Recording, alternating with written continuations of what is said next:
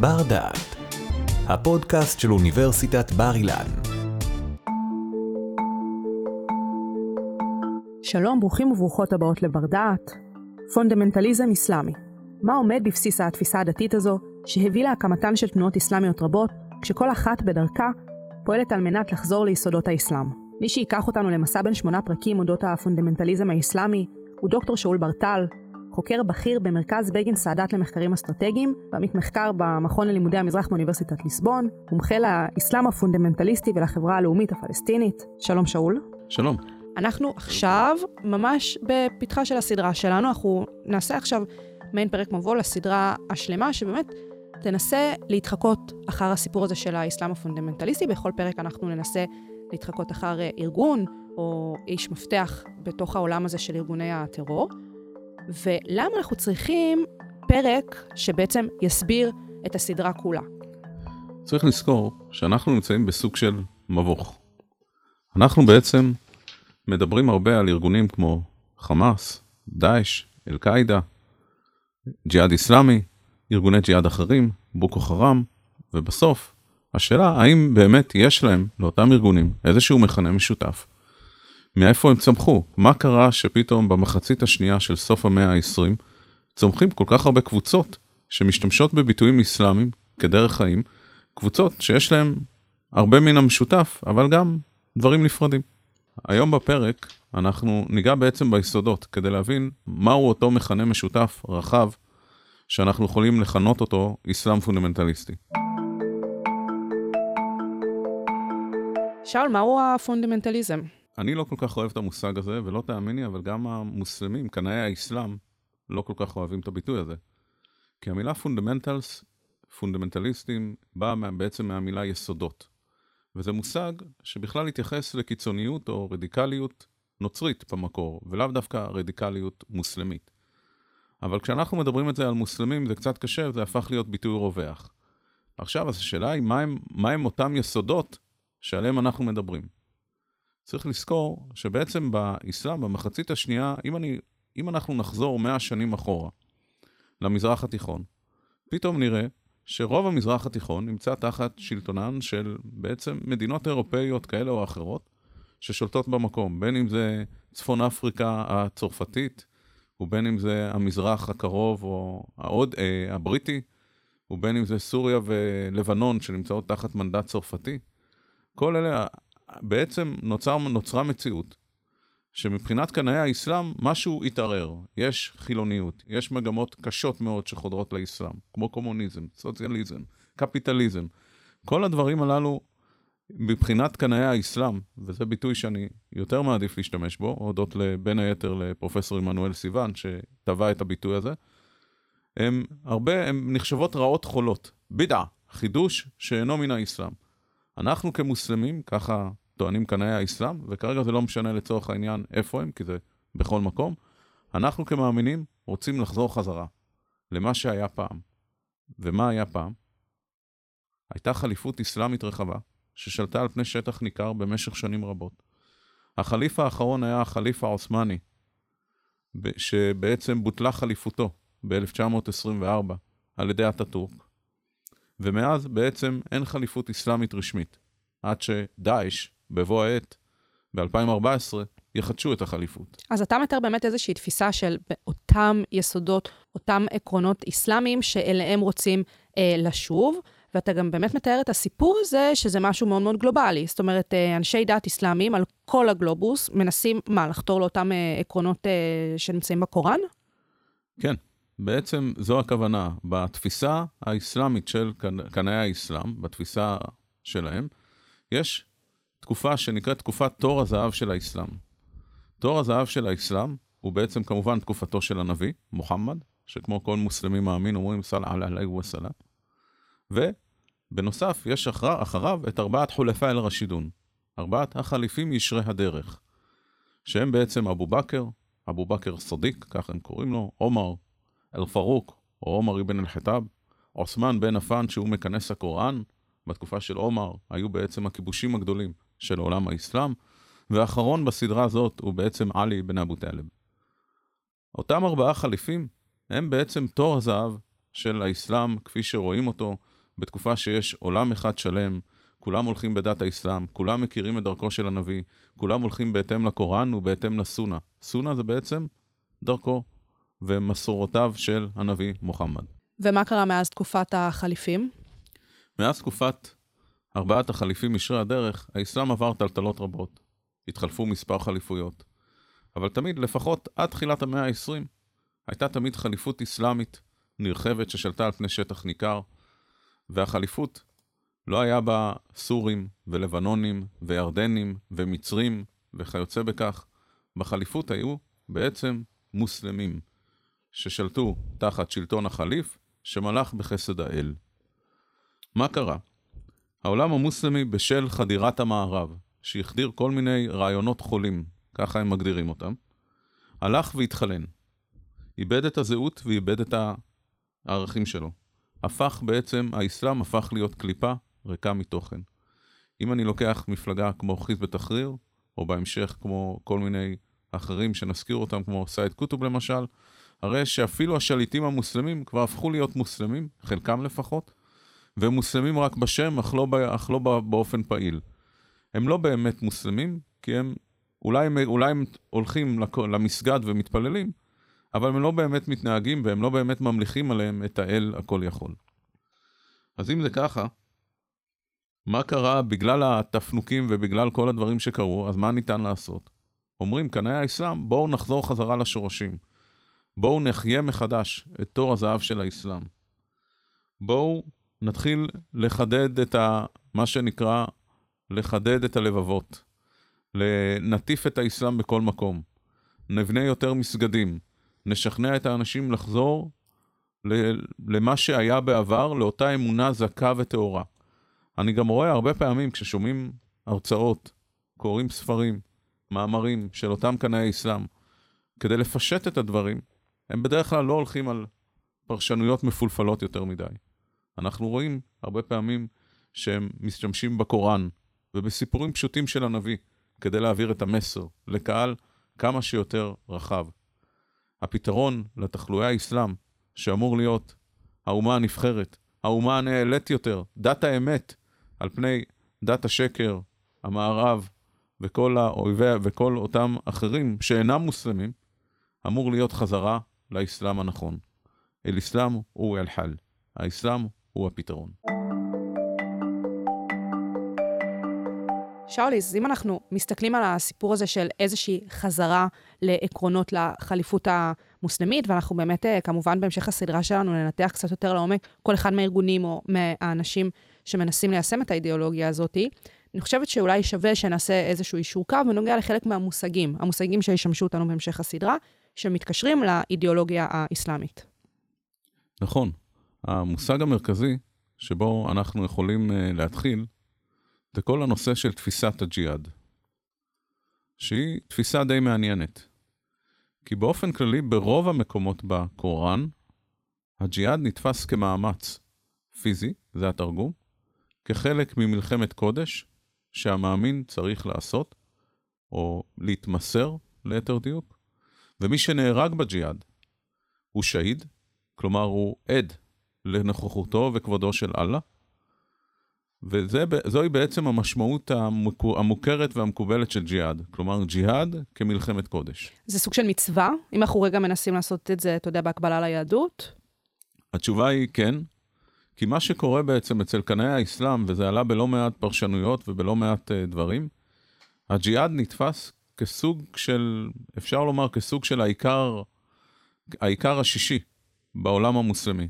אם אני לוקח את חמשת העיקרי האסלאם, שאותם אנחנו מכירים, זה זקה, למשל צדקה, צום, חאג', שועדה, אשהדו אן לא אילה אללה ומוחמד רסול אללה, כלומר אין אלוהים מבלעדי אללה ומוחמד שליחו.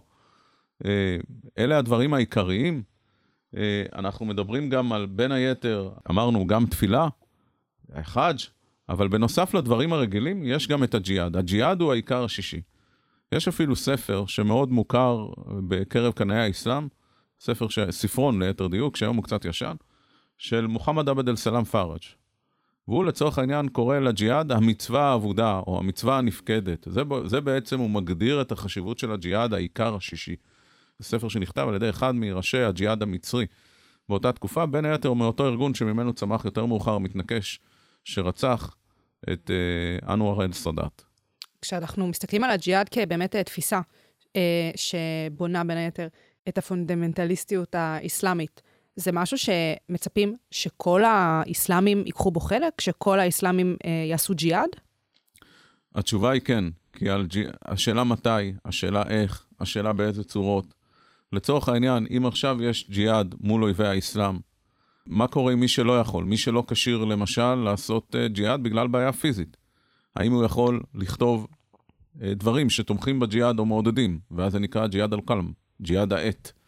ואם לצורך העניין הוא תורם כסף למצוות, למצוות הג'יהאד, כחלק, אה, למשל, כל אותם אגודות ותורמים שתורמים כספים לחמאס, פעם אחת הם מקיימים פה מצוות צדקה, ופעם שנייה, שגם כן אחד מעיקרי האסלאם, ופעם שנייה הם בעצם נוטלים חלק באותו ג'יהאד. פרשנים באסלאם מדברים ומרחיבים הרבה. מהו ג'יהאד הגנתי לעומת מהו ג'יהאד התקפי. ג'יהאד הגנתי למש... למשל, כאשר כוח זר מגיע וכובש שטח מתוך דר אל-אסלאם, חובה על כל המוסלמים להתמרד, להילחם, לעשות הכל כדי לגרש את האויב. גם נשים חייבות בג'יהאד, ומכאן גם אותו עניין של לפעמים נשים מתאבדות ונשים שהולכות ומבצעות פיגועים. אמנם יש נשים, זה לא התפקיד הראשי שמצופה מהם, אבל גם זה, אישה יכולה אפילו להמרות את רצון בעלה או רצון האפוטרופוס עליה, אם צריך, כדי להשתתף במצוות הג'יהאד, אם זה משהו שהוא הכרחי. ילדים יכולים להשתתף במצוות הג'יהאד. כלומר, זה משהו שהוא רחב היקף, ויש לו הרבה מאוד עומק ותפיסה. אז באמת זה נתון לפרשנות, וכל ארגון מפרש את זה אחרת, זה תלוי נסיבות. אני חושב שאם אנחנו מת, מתייחסים לשני, יש שני הבדלים עיקריים בין הארגונים השונים. האחד, האם הג'יהאד הוא התקפי או הגנתי? למשל, אל-קאעידה ביצעו את מה שנקרא 9-11, שזה אותו פיגוע במגדלי התאומים. פה אנחנו מדברים לצורך העניין על ג'יהאד התקפי. לא כולם מסכימים, לא, לא כל המפרשים מסכימים שאכן יש מקום בימינו אנו לעשות ג'יהאד התקפי מהסוג הזה. אה, חיזבאללה תחריר למשל, רואים את הג'יהאד כמשהו שחובה על השליט המוסלמי, החליף, שייבחר בעזרת אללה, ויבוא בעזרת אללה בצורה מאוחרת וישפוט וימלוך על פי חוקי הנבואה. אותו חליף הוא זה שרשאי להכריז על ג'יהאד, כלומר פאד כפאיה, חובה כללית, ואז כשהחליף מכריז, כולם חייבים לכבד את רצונו ולפעול בהתאם.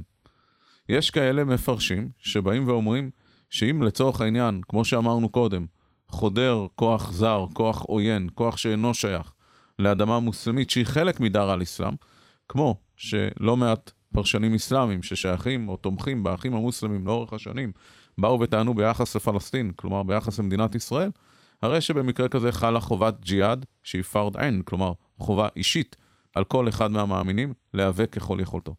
במהלך הסדרה, כשנדבר על הארגונים השונים, נוכל להרחיב יותר איך תפיסת הג'יהאד שלהם בעצם משפיעה על אופן הפעילות שלהם ועל הדרך בה הם רואים את המאבק בכופרים. עד כאן הסיפור של הג'יהאד, ובאמת אה, הפירוט של הסוגים השונים של ג'יהאד. מה המושג הבא שתרצה שנתייחס אליו?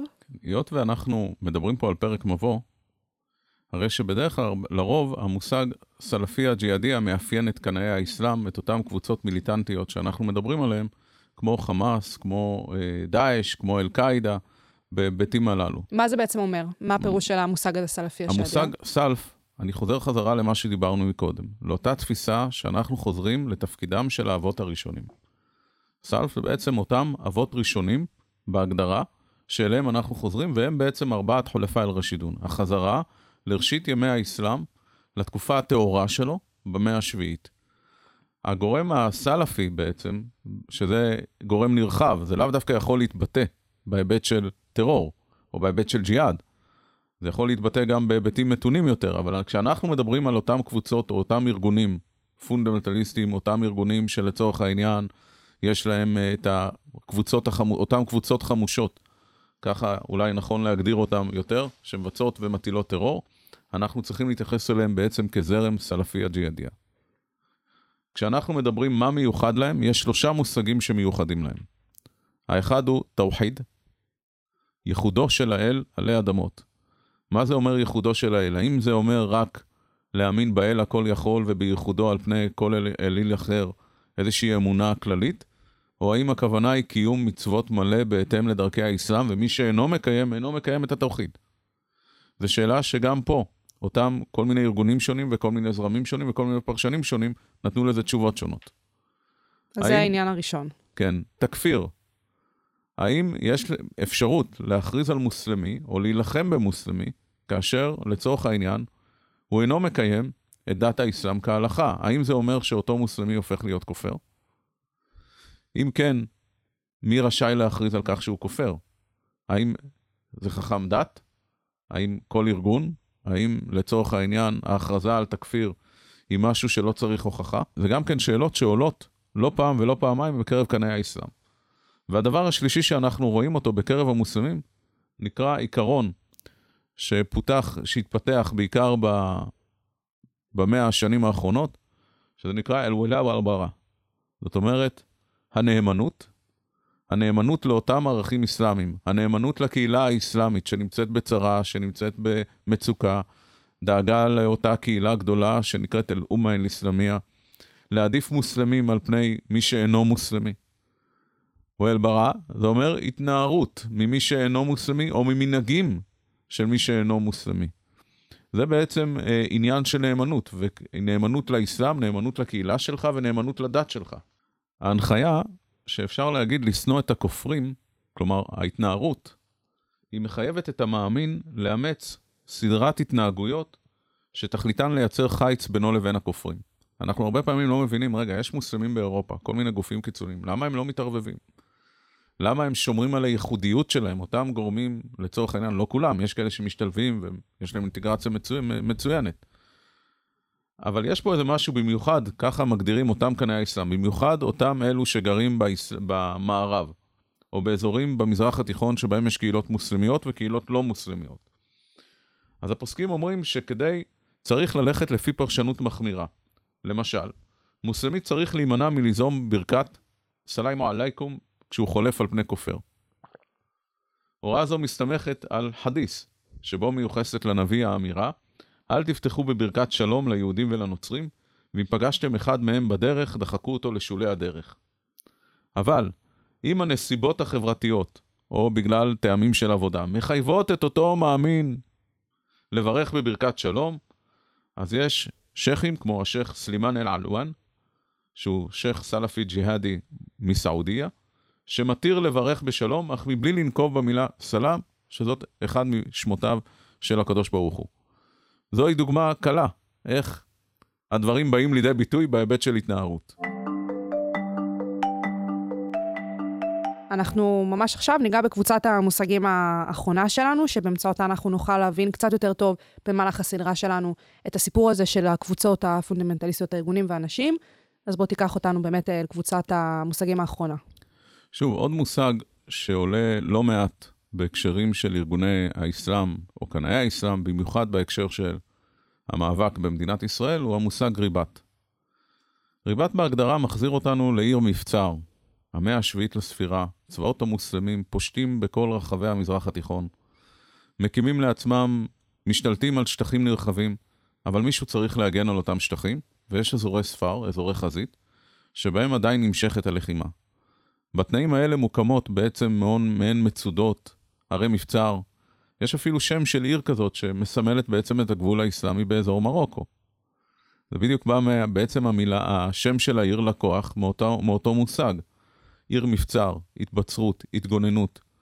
מי שהוא מורבת, לצורך העניין, הוא בעצם מגן על עצמו, מתגונן, מתבצר. והמושג הזה, אנחנו רואים אותו בהקשרים שלנו. האדמה, שהיא נמצאת, אדמת הספר, נקראת ארד אל ריבת, אדמת הריבת, אדמת המאבק, אדמת החזית, אדמת ההתגוננות. אותם אלה שנלחמים מורביטון או מורביטת, נשים שמגינות וכולי. אותם אלה שלצורך העניין אנחנו מדברים, העם שנלחם, שיושב בשטח, ורואים את זה המון בכרוזים של הג'יהאד האיסלאמי ושל חמאס, אה, שעבנה אל-מורבת. זאת אומרת, עמנו העומד עמנו, ה, לצורך העניין, הנלחם בספר, המתגונן. ואנחנו רואים עוד דבר, כשאנחנו מדברים על ההיבט של ריבת, שבדרך כלל גם הולך אל-סאמד, או סמידון. זאת אומרת, עמנו בעצם עומד איתן על אדמתו. הוא לא זז ממנה, הוא לא בורח ממנה. הוא עומד איתן מול האויב. מי הוא האויב? במקרה שלנו, של מדינת ישראל, אנחנו מבינים לרוב שמדובר באותם ארגוני טרור שבעצם מגדירים אותנו, את כוחות הביטחון, את מדינת ישראל, ואת כל מי שלצורך העניין, אה, ואת כל מה שמייצגת בעיני מדינת ישראל כאויב, אבל במדינות אחרות זה יכול להיות גורמים אחרים. אז גם פה באמת אנחנו נראה את היחס השונה של הארגונים אה, לפרשנות של המושג הזה. עוד מושג שמתייחס באמת לעניין האלים, לפעולות האלימות, שארגוני טרור אה, לפעמים מפרשים אותו ככזה? יש עוד מושג שבדרך כלל לקוח מסורת השלל, סורת אל-אינפל, שבעצם ההגדרה של טרור. מהו טרור? כשאנחנו מדברים לנו, במערב יש הגדרה אחת של טרור, שבדרך כלל זה אומר הפעלה של כוח על ידי קבוצות חמושות כלפי אזרחים כדי לעורר אימה. יש כאלה שאומרים שזה באופן כללי הפעלה של כוח על ידי, כולל גורמי צבא, שזה עניין של נתון במחלוקת, האם הטלה על גורמי צבא זה כן חלק מטרור או לא, יש ויכוח אקדמי בעניין, האם כן או לא. אבל באופן כללי, מקובל שאם יש בעיני, בקרב מר...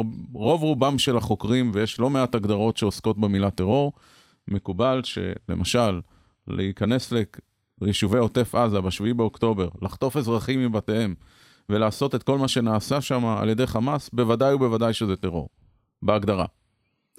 אבל בתפיסה האסלאמית הבסיסית, יש הבחנה בין טרור חיובי לבין טרור שלילי. טרור לפי הקוראן, לבין טרור שהוא של המערב. האם לצורך העניין מחבל שהולך ועכשיו לוקח סכין ומסתער לעבר אותם שוטרים או אותם אזרחים ודוקר אותם ומקפד את חייהם, האם הוא מבצע פעולת טרור שהיא אסורה או לא? האם מחבל שמתאבד מבצע פעולת התאבדות, כלומר התאבדות הרי אסורה באסלאם, או הוא מבצע פעולה של הקרבה, עמליית איסטישדיה, פעולת הקרבה למען האל. זאת אומרת, מעין פיגוע התאבדות. פיגוע התאבדות. למשל, אחד מפסקי ההלכה הידועים הוא של השייח' יוסף אל-קרדאווי. Mm-hmm. יוסף אל-קרדאווי בעצם מגדיר את מדינת ישראל כמדינה צבאית. הנשים שירתו בצבא, הילדים ישרתו בצבא, הגברים משרתים או שירתו או ישרתו בצבא, וכך גם הזקנים. ולכן לכאורה יוסף אל-קרדאווי אומר, כל החברה היא, היא בעצם חברה צבאית. וחברה צבאית מותר לבצע בה פיגועי התאבדות, גם אם אתה פוגע בנשים וילדים, שבאופן כללי, בקוראן, פגיעה בנשים וילדים אסורה על פי, ה, על פי חלק מהמפרשים. אז אומר השייח' יוסף אל-קרדאווי, שהיה אחד מבכירי האחים המוסלמים ואחד הפוסקים הכי חשובים בעולם המוסלמי בחמישים שנים האחרונות, או במאה השנים האחרונות שהיו, אפשר לומר, והוא אומר את הדברים הללו, והוא גם במקרה, או שלא במקרה, הוא גם אחד מפוסקי ההלכה המקובלים ביותר על אנשי חמאס. אז ככה שאנחנו מבינים שההגדרה שלנו, מה זה טרור, האם פגיעה בנשים וילדים היא טרור, או לא, אנחנו רואים שהפרשנות למילה טרור בעיני קנאי האסלאם היא שונה ממה שאנחנו נוהגים להבין או ממה שאנחנו מקבלים.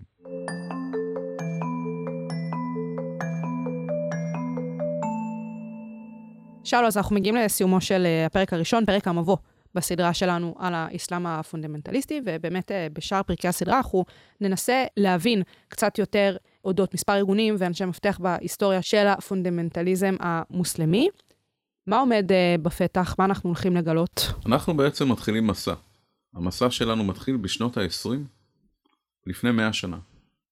לאחר שהתבטלה החליפות האסלאמית, ואיזשהו מורה בשם חסן אל-בנה מחליט במרץ 1928, יש כאלה שאומרים קצת לפני, להקים את ארגון האחים המוסלמים.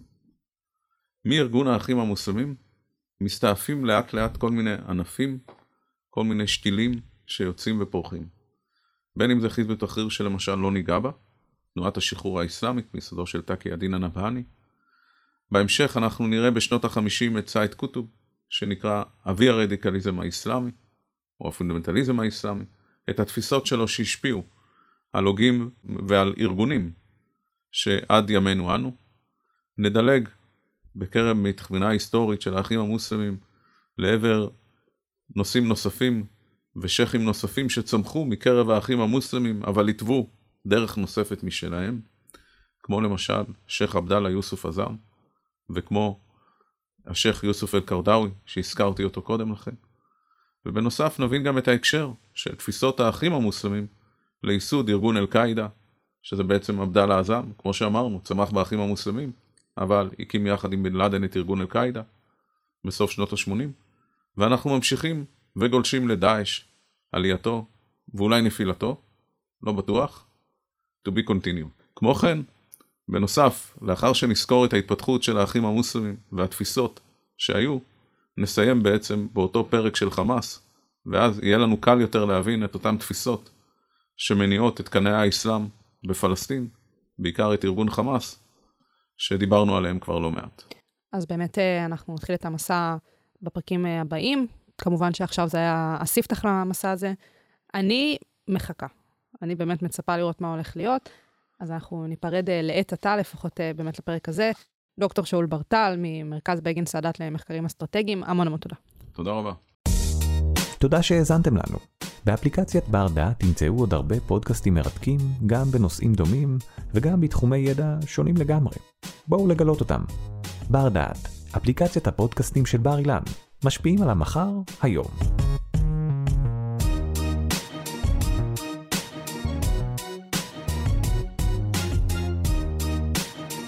ערכה והפיקה שי קלוט.